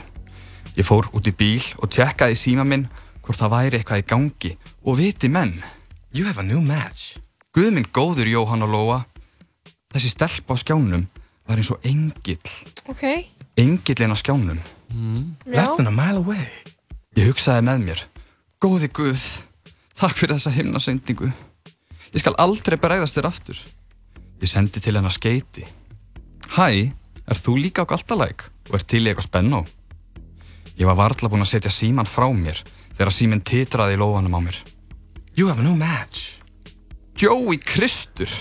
Þetta var engil með starri vengi en svo fyrri. Ég var í sjokki. Ég sendi á hana skilaboð. Er þú á gelæk og til í smá fjör? Ég beði eftir svari. En var síðan frekar bored því báða stelpunum sendu, sendu ekkert tilbaka. Svo ég held áfram að svæpa til hægri og viti menn, englarnir svifu um síman, hver á fætur öðrum. Þetta var eitt besta kvöld lífsmýns krakkar. Ég fekk samt aldrei neinn svör tilbaka og spyr því ykkur hvort þið haldi að eitthvað hafi farið úrskeiðis. Geta hina stelpuna séð ef ég er að spjalla við aðra stelpur á sama tíma? Var það eitthvað sem ég sagði? Er léleg nettenging á galtaleg? Núna er sumari búið og enn hafa englarnir ekki látið í sér heyra. Er einhver góð pick-up lína sem fer stöngin inn? Já, þetta, voru, no þetta voru nokkra spurningar. Já, nokkra spurningar. Ok, ég held að sé liðlega netta alltaf læk. Já, ég get alveg trúið því. Hvað er hann að vinna með þarna sem pick-up línur? Hann er að segja, hæ, erst þú til í eitthvað spennó? Hann er ekki að segja það? Jú, það gerir, það gerir smá mister í kringum þetta sko. Mhm. Það er náttúrulega, ég held að krakkar á þessum aldri sem eru svona nýbyrjar að koma, koma sér inn í Tinder, Tinder heiminn. Hvað er hann gammal þessi strákur? Stendur í brefin hann hafi verið átján, eða sé átján, Ok. þetta, sé þetta sumar, þannig að... Kannski er hann er að, ungur. kannski, já, jú, hann er örugglega átján, sko. Hvað eru þið gamlir? 20 og... 23. Og 22. Ok, þið, já, og Jói, við erum alveg strítugt. Já, ég er bara á hraðri leið á 30. Uh, Allavega. Ég veginn veit ekki alveg hvað ég á að stíga inn í að hjálpa þessum dreng. Ég, Þú hefur aldrei verið með Tinder? Ég hef aldrei verið með Tinder. Hann er aldrei deytað eins og Aldrei deytað. Nei. Í rauninni, það er leðlegt net, get ég vel trúað á kaltalæk. Já, Það er svona það eina held ég sem ég geti sagt með einhverju vissu. er að syngja saman hljómar ótrúlega vel. Syngja saman. Einu sinni. Einu Já. sinni. Með viðjóðandi kontenti, það sem við myndum Ég segi, við gerum bara festivalsáttin okkar að syngja saman. syngjum saman, já.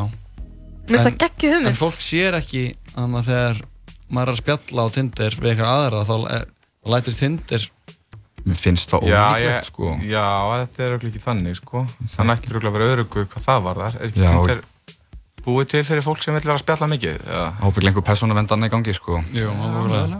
Hvað myndu þið? Myndu þið þannig ráðleggja þessum dreng eitthvað? Tjekka hvort hann sé með net eða hvort að netið hans hafi klárast þarna. Já. Mér finnst eins og þessi strákur sé að, sé að leggja mikið á það að þetta sé einu stelpunum sem komandi greina, sko. Ég held að hann ætti bara frekar að halda áfram sínu lífi og rétt að þegar hann kynni sinni réttu þá bara kemur það á sjálfum sér, sko.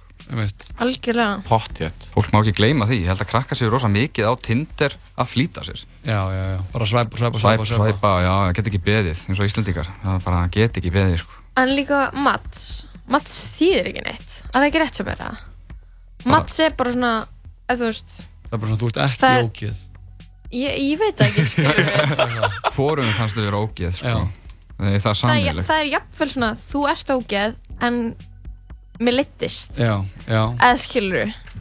Just Það, það, my það kind þýðir ekki einu svona að þú sérst ekki ógeð, sko. Nei. Marta bak við þetta, sko. Ég held, já, ég held einhvern veginn að Mats skipti engu máli, sko. Og ég held að skipti sérstaklega minna máli hjá eitthvað ungum krökkum, sko. Já. Þessi gaur er eitthvað ekki að lesa vel í eitthvað svona félagslegar aðstæðir, held ég. Nei. En það er bara eins og hann Það er hafi verið að mattsa bara eitthvað í loftið, sko. Við eitthvað engla. Við eitthvað engla á skjánum.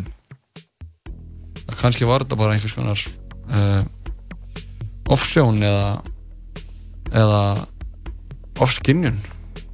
Mögulega. Hver veit. Það þurfi bara að leggja hann inn. Kannski var hann bara í galsa. Já. Já, kannski var hann bara í galsa. Maður veit ekki. En strákar, það var virkilega ánægilegt að fá okkur í heimsók. Já, takk fyrir Og, það. uh, Það er aldrei veitin að þau kíkja einhvern veginn aftur á okkur. Það var nú gaman. Það var nú gaman.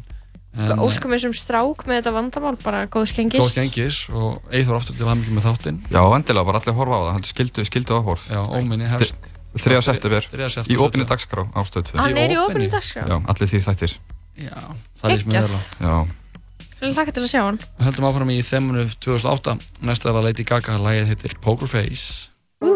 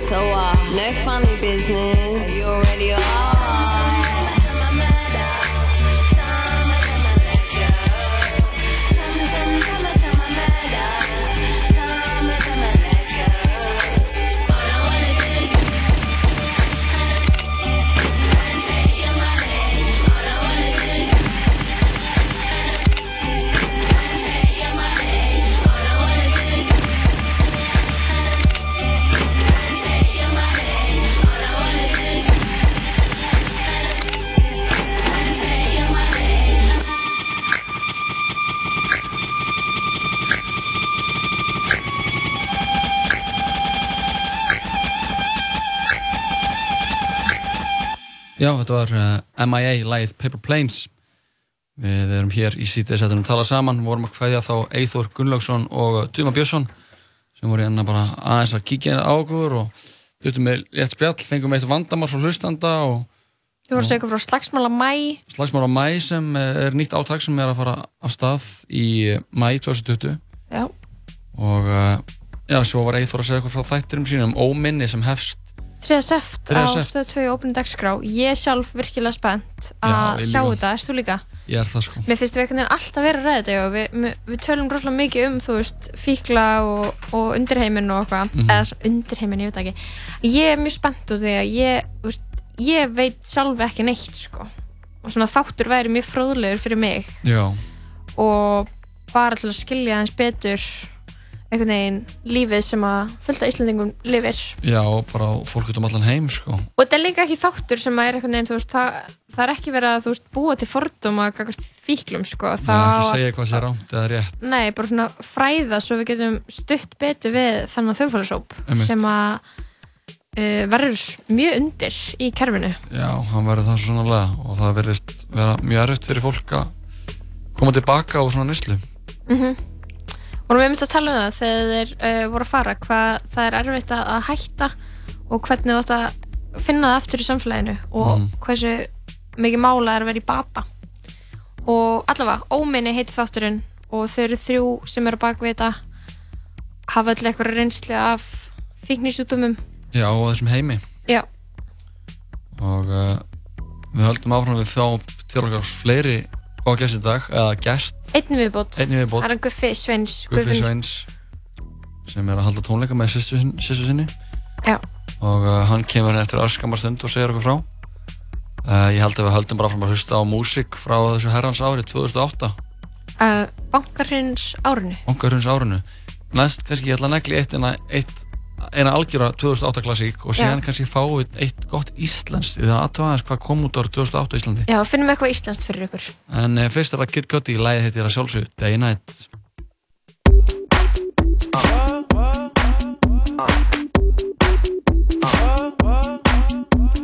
day and night. I toss and turn, I keep stressing my mind, mind. I look for peace, but see I don't attain. What I need for keeps the silly game we play, game we play. Now look at this. Madness, the magnet keeps attracting me, me. I try to run, but see I'm not that fast. I think I'm first, but surely finish last. Finish last, last, last, last, last, last, last, last. Cause day and night, the lonely stoner seems to free his mind at night. He's all alone, things will never change. The lonely loner seems to free his mind at night. At, at, at night.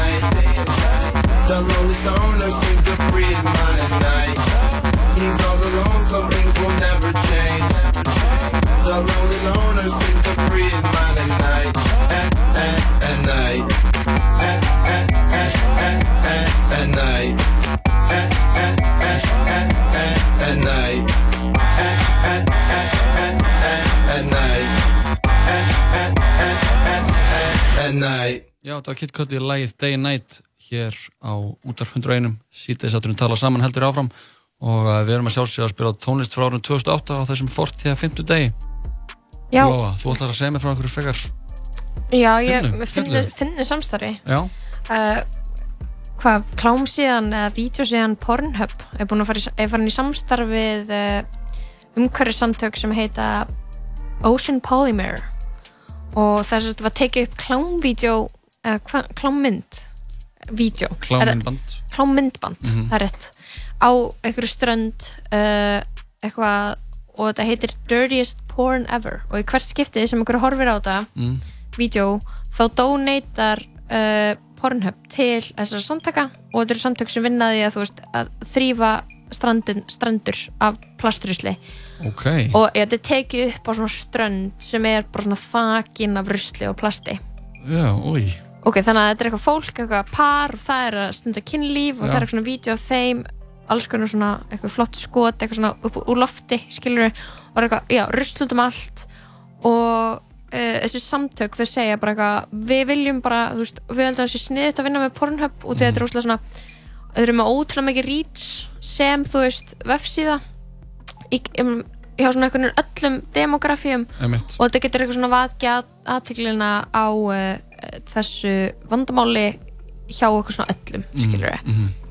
en það sem ég fyndi líka er að þú veist það stendur einnig í greininni, ég er ekki búin að horfa á myndbandið að meðan þau eru að stundakynlíf Já. um, þá eru svona, svona hvað heitir, heitir manneski sem er að tínu bröst? Jú, það eru manneski að tínu bröst Rusla tínarar Já, ruslatínarar í svona uh, fötum, mertum Pornhub að tína upp ruslið. Já, ok.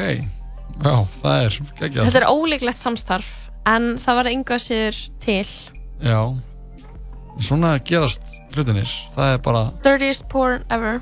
Ég meina það einhvern veginn þurfa hlutinir að gerast. Það þarf að hvetja fólk á meirspunandi máta og, og já, ef það þetta gerir eitthvað fyrir einhvern. Ætli, ætli að verður bara svona bráðum eitthvað svona allt klám mm, komið með svona pólitískan ásetning. Væri það ekki bara flott eða? Svona eitt klámvídeó þá er það upp við svona veggin hans Donald Trump. Já, og er eitthvað svona mótmála vegginum skilur einmitt. Svo getur verið eitthvað annað myndband þetta er eitthvað svona annað myndband sem getur verið eins með eitthvað svona kannski vegan Já, svona eða fólk bara einhvers staðar á með, einhverju stríðshrjáðu svæði eða eða, eða kannski já, fólk að sofa saman og svona hella ódli á hvort annað. Já, í staðin fyrir að vera með svona eitthvað rjóma og kissubér þá eru þau með svona vegan rjóma og kissubér já, eða bara það sem er stríð eða, eða eitthvað svona innflytjanda Og bara fólk- já. Já, alltaf veggurinn, þú veist. Já. En líka bara á svona, á svona fleka. Já. Á fl- fleka einmitt fleka að reyna flýja land. Já, einmitt. Þetta getur verið eitthvað, kannski Við sjáum bara hvernig þetta þróast. Við útilokum ekkert á þessum Það er allavega, ef þú ætlar að horfa klám þá mælum við bara með því að þú horfir á Dirtiest Porn Ever campaign. Já, það, þetta er líka gott nafn. Það ekki? Jú, viðjandi uh, Við ætlum að halda fram að hlusta á músík frá þessu herrans ári 2008 og uh, já, við eigum vona góðum gesti bara eftir öskamar stund er er hann Guffi, Guffin Já, Svensson við ætlum að ræða hérna við hann um tónleika sem eru að fara að hefast í honum. Já og uh, já, við hlokkum til þess. Við förum yfir í Kanye West. Hann gaf út eina svona áhrifamestu plötu síðar ára myndi ég segja 808 and Heartbreak á þessu herrans ári 2008 þetta lag er ásamt honum uh, Yeezy eða Jeezy eins og hann er kallaður. Lagið heitir Amazing.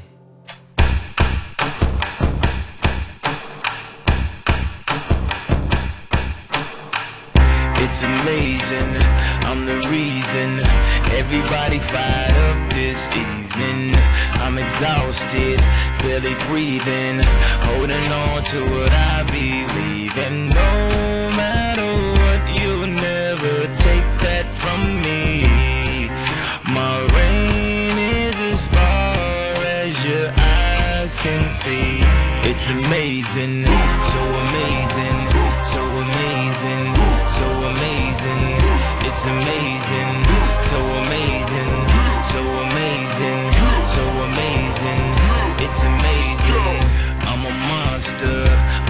Killer. I know I'm wrong. Yeah, I'm a problem that'll never ever be solved. And no matter what, you'll never take that from me. My reign is as far as your eyes can see. It's amazing, so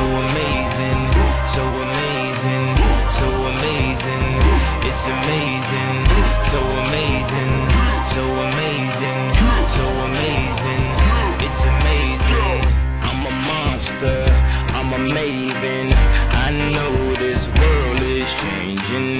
Never gave in, never gave up. I'm the only thing I'm afraid of. No matter what, you'll never take that from me. My reign is as far as your eyes can see. It's amazing, so amazing,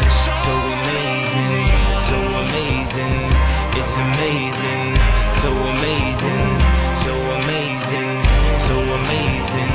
It's amazing, so amazing, so amazing, so amazing. It's amazing, so amazing, so amazing, so amazing. It's amazing.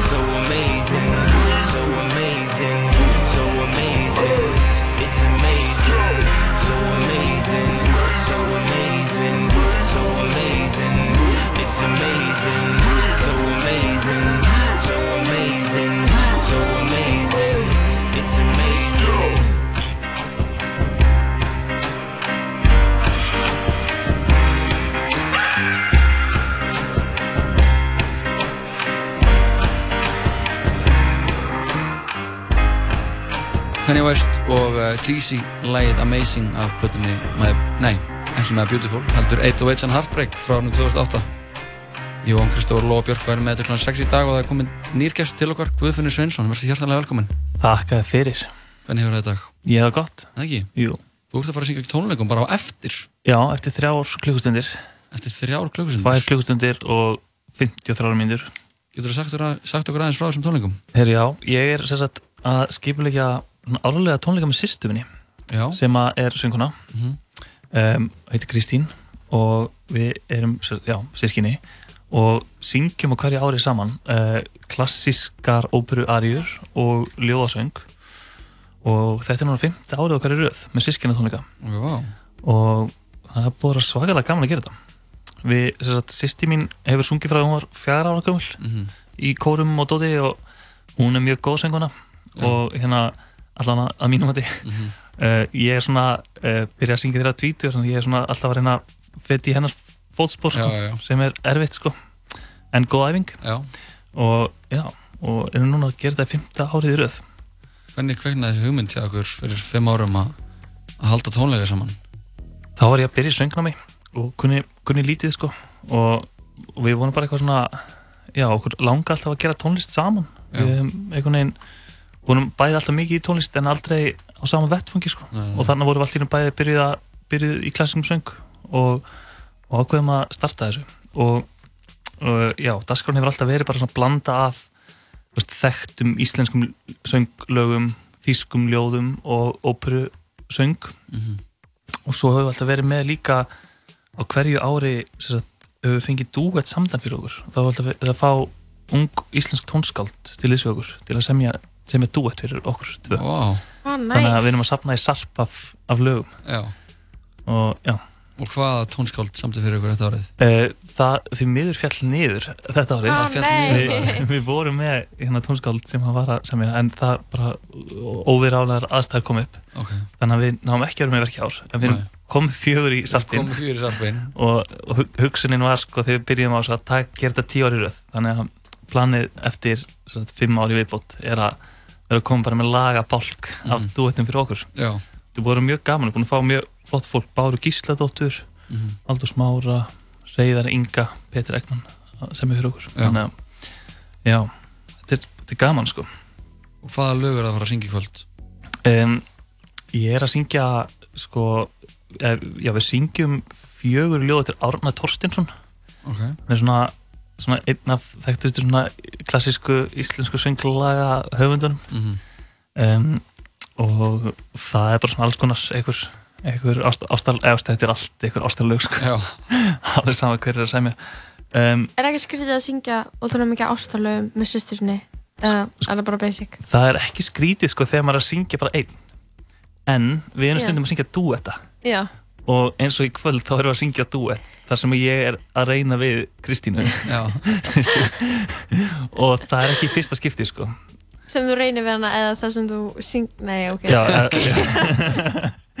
þú veist, já, það er alltaf pínu tri trikki sko, veist, við, við höfum gert þetta áður að syngja duett, óperu-duett þar sem Já. að, veist, í óperu söngbókmyndunum er alltaf þetta er bara sæðilegar típur sko Mhm. sem myndu einhvern veginn ekki verið að accepteraðar í, í dag sko Þetta er allir svona gamaldags hugmyndir. Mm. Já, og strákanir er alltaf að veist, einhvern veginn reyna að blöffa stelpunar og, Já, já. og reyna við þær og bara láta ekki til segja stókurna dót sko, Mhm. mjög, mjög vondatýpur og en já, en já við, við erum að syngja einn þannig dúet í kvöld þar sem ég er að reyna við Kristínu og Mhm.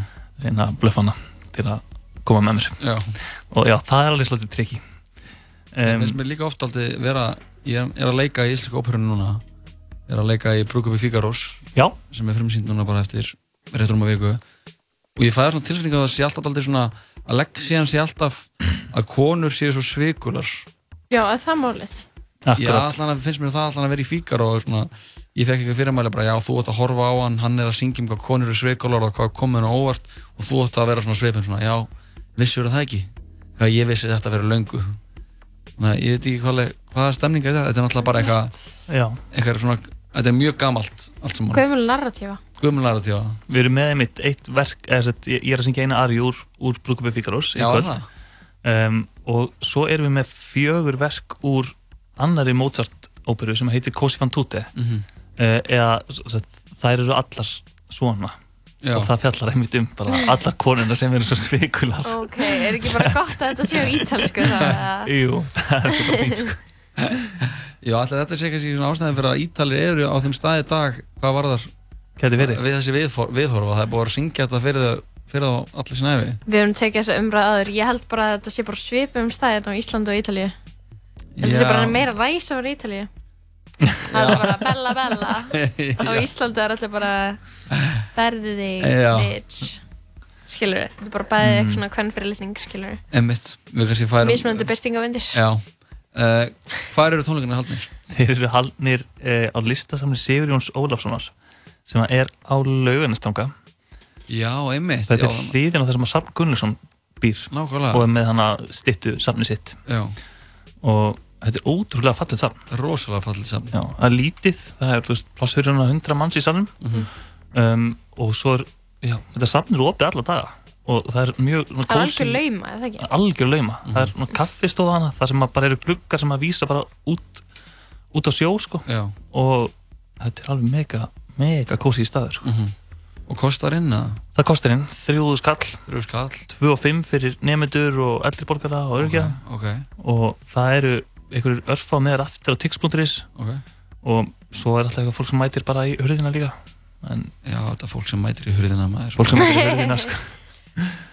Uh, Já, en þannig ef fólk vil eiga, eiga notalega kvöldstund í, með, með hérna, ástarljóðum og, og ástaróperu aðrjum Þetta er bara rétt í staðinu til að vera á Í kvöld, listasafn Sigurjóns Gufi, það er virkilega gott að fá þig. Já, gaman að koma alltaf. Og ég bara mæli með að allir legg ég leysin á lögunestanga í kvöld og... Viltu að syngja fyrir okkur að? Ok! Il core vid ono Já, hann er að tala saman, sko Er þetta wow. úr brúkabunnu? E, nei, þetta er Cosimo Tutti Þetta er Cosimo Tutti Já, eftir að hýta mig upp samt, sko Þetta Já. er, maður, eh, maður fer ekki beint í að raula þessi lög sko. ég er búin að taka þetta alltaf eftir því að fylgjast með fólkinu í óperunum að maður þarf alltaf að hita sér upp sko. að maður er alltaf að vaða beint út í þetta þá myndir maður bara alveg Er, er ekki svona söng e, uppbytanir svolítið fyndnar? maður er bara að gera eitthvað ókslega mikið eitthvað hljóðum og eitthvað svona hó, hó, hó, eitthvað Jú, svona. mikið af öndunaræfingum og bara svona virkja maga mhm. vöðana og fyrirvöðana Já, umvitt mhm.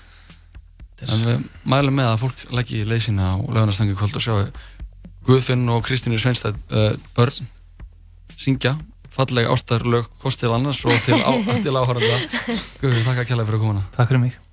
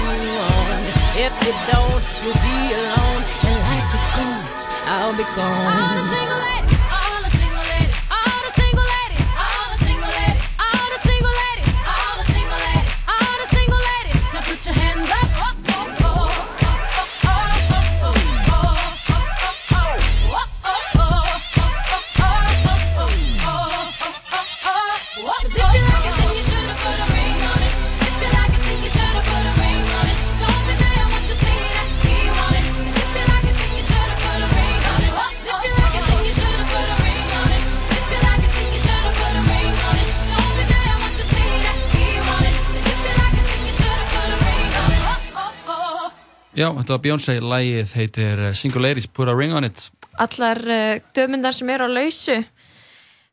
Giftið ykkur. Giftið ykkur. Fattið bóðskapur Það er búið að pakka þáttur í okkur í daglóðun og fá til okkar fimm gæsti og bara gaurar. Æðislega gaurar, hver er þeim betri? á hverjum degi. Já, þú sagðir einnig upp á þáttar að vantar fleiri kallmenni útvarp. Ég, ég bókaði eiginlega alla þessa gesti sko. Þú gerði það. En þetta er eiginlega mér að kenna sko. Þetta er þér að kenna, en við sjáum mm. nú ekki eftir neinum að þessum gestum. Nei, nei, út af því að sko, ég, það er náttúrulega bara munur á kalli og kall, skilur við. Mm -hmm. Það eru til góðu görar og svo eru til slæmi görar. Jú, jú. Við vorum bara með góðu göra. Við vorum með mjög góðu göra. Mm -hmm. En uh, við byrjum Pétur að fá Pétur Kjarnan í síðustu kvöldmáltíðina graut og, og pítsu og steik. Og steik. Þetta var alveg rosalega kvöld, eða, síðasta kvöldmáltíð. Og uh, þar á eftir fengum við uh, sagfræði sérfræðing þáttarins Jón Kristinn sem sagði okkur frá því herrans ári 1677 Mhm. hann var að segja okkur hann var að tala um svona það væri bara vennilegt ár það hefði ekkert þannig sem merkilegt gerst og þá getum við séð bara svona ko- skoða eins uh, hvernig svona vennilegt líf er á Íslandi þegar það er ekki eldgoss eða sóttarfaraldur eða eitthvað svona. Mm ég fíla það að fá smá svona að grípa inn í eitthvað hverstasleikan inn í hversasleikan Já. og sjá hvernig hann rúlar að því að hann oft segir meira heldur en eins og Jón sagði, segir oft meira heldur en uh, Stórsagan. stórsagan Svo var hann uh, Tumi og Tumi Gonzo og Eithor Gunnlaug sjá okkur hérna þeir eru, er þeir ekki í kaupa dót? Jú, þeir, Grín, eru- jú það eru, það dóanur. þeir Jú, og þeir voru hérna með smá grín og smá spjall og við vorum líka aðeins að fræðast um nýja þáttin hans Eithors, hann er að gera hann á svona tveimur öðrum krökkum sem hafa öll einhverja reynslu af undirheimum Mhm. og uh, þessi þættir verða stöð 2 í ofnum dagskrá fyrir 3. september, við hlökkum bara til að sjá það. Hlökkum það svo sannlega og uh, næst fengum við og síðasta gest sem vorum að kveða bara rétt í þessu Guðfinn Sveinsson sem er að halda tónleika á uh, listasafni Sigurjóns Sigurjón Safni. Já, Sigurjónsafni á á, já, Leifnistanga þannig þeir eru í kvöld.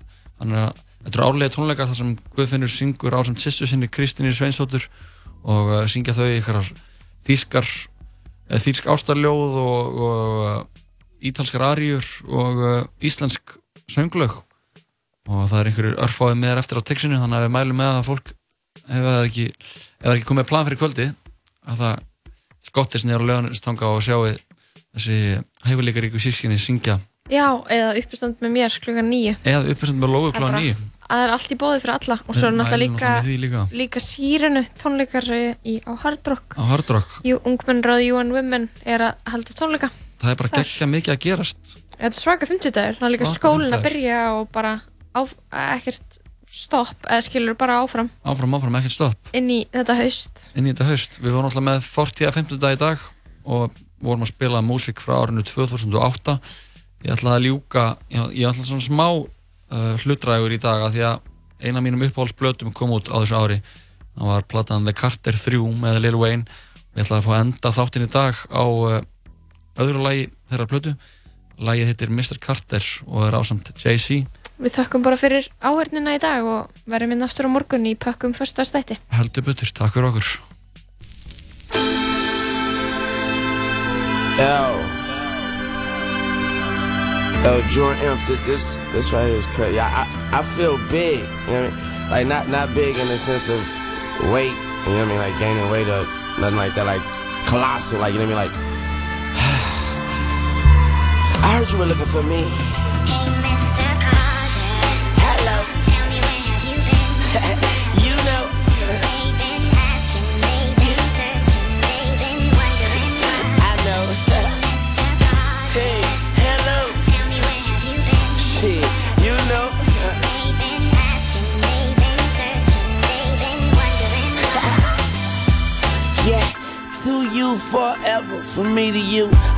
Heard somebody say, Church, I'ma need a suit, I'ma need a coupe. I won't need a roof. Flyer than Beetlejuice, Beetlejuice, Beetlejuice. I got the flow, I'm trying to see the roof.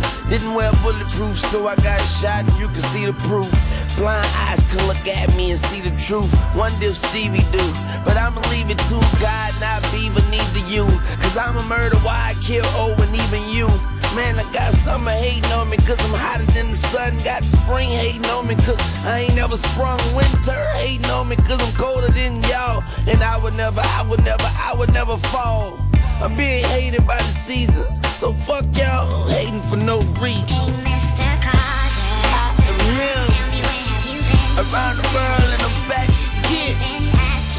Who's been asking about me? In case you're wondering. Around the world now I'm back again.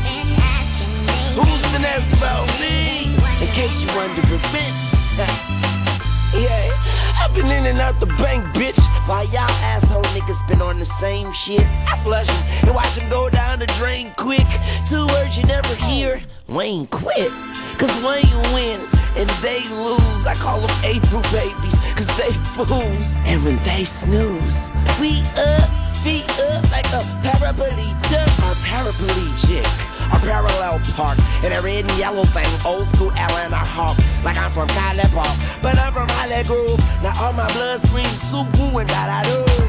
I know my rule, and I play it well, and I weigh it well on my Libra scale. I suck a pussy, fuck a pussy, leave it there. Long hair don't even Young. I am him. Around the world now, I'm back again. Been asking about me? In case you're wondering, I am him. Around the world now, I'm back again. Who's been asking about me? In case you're wondering. Yeah, I'm right here in my chair with my crown and my dear Queen Bee as I share my time with my ear. Young Carter, go farther, go further, go harder. Is that not why we came? And if not, then why bother? Show no mercy in Marcy and lagers. So far from being the bastard that Marcy had fathered. Now my name's being mentioned with the martyrs, the biggies and the pops and the mollies and the Marcuses. Garvey got me a Molotov cocktail flow. Even if you box well, can't stop the blows. Kaboom, the rock boy in the room. The dope boy just came off the spoon. Also, I'm so fly, I'm on autopilot. What guys just stare at my wardrobe? I see your euros, that's right, plural. I took so much change from this rap game, it's your go. It's my go, yeah. And I'ma go so opposite of soft off the Victor Hector. Camacho man Randy Savage. Far from average, above status Quo, flow, so pro. I know, I ride slow. And when I pass they say what up killer man? Stop bringing up my past. And next time you mention Pac, Biggie or Jay-Z Don't forget Weezy, baby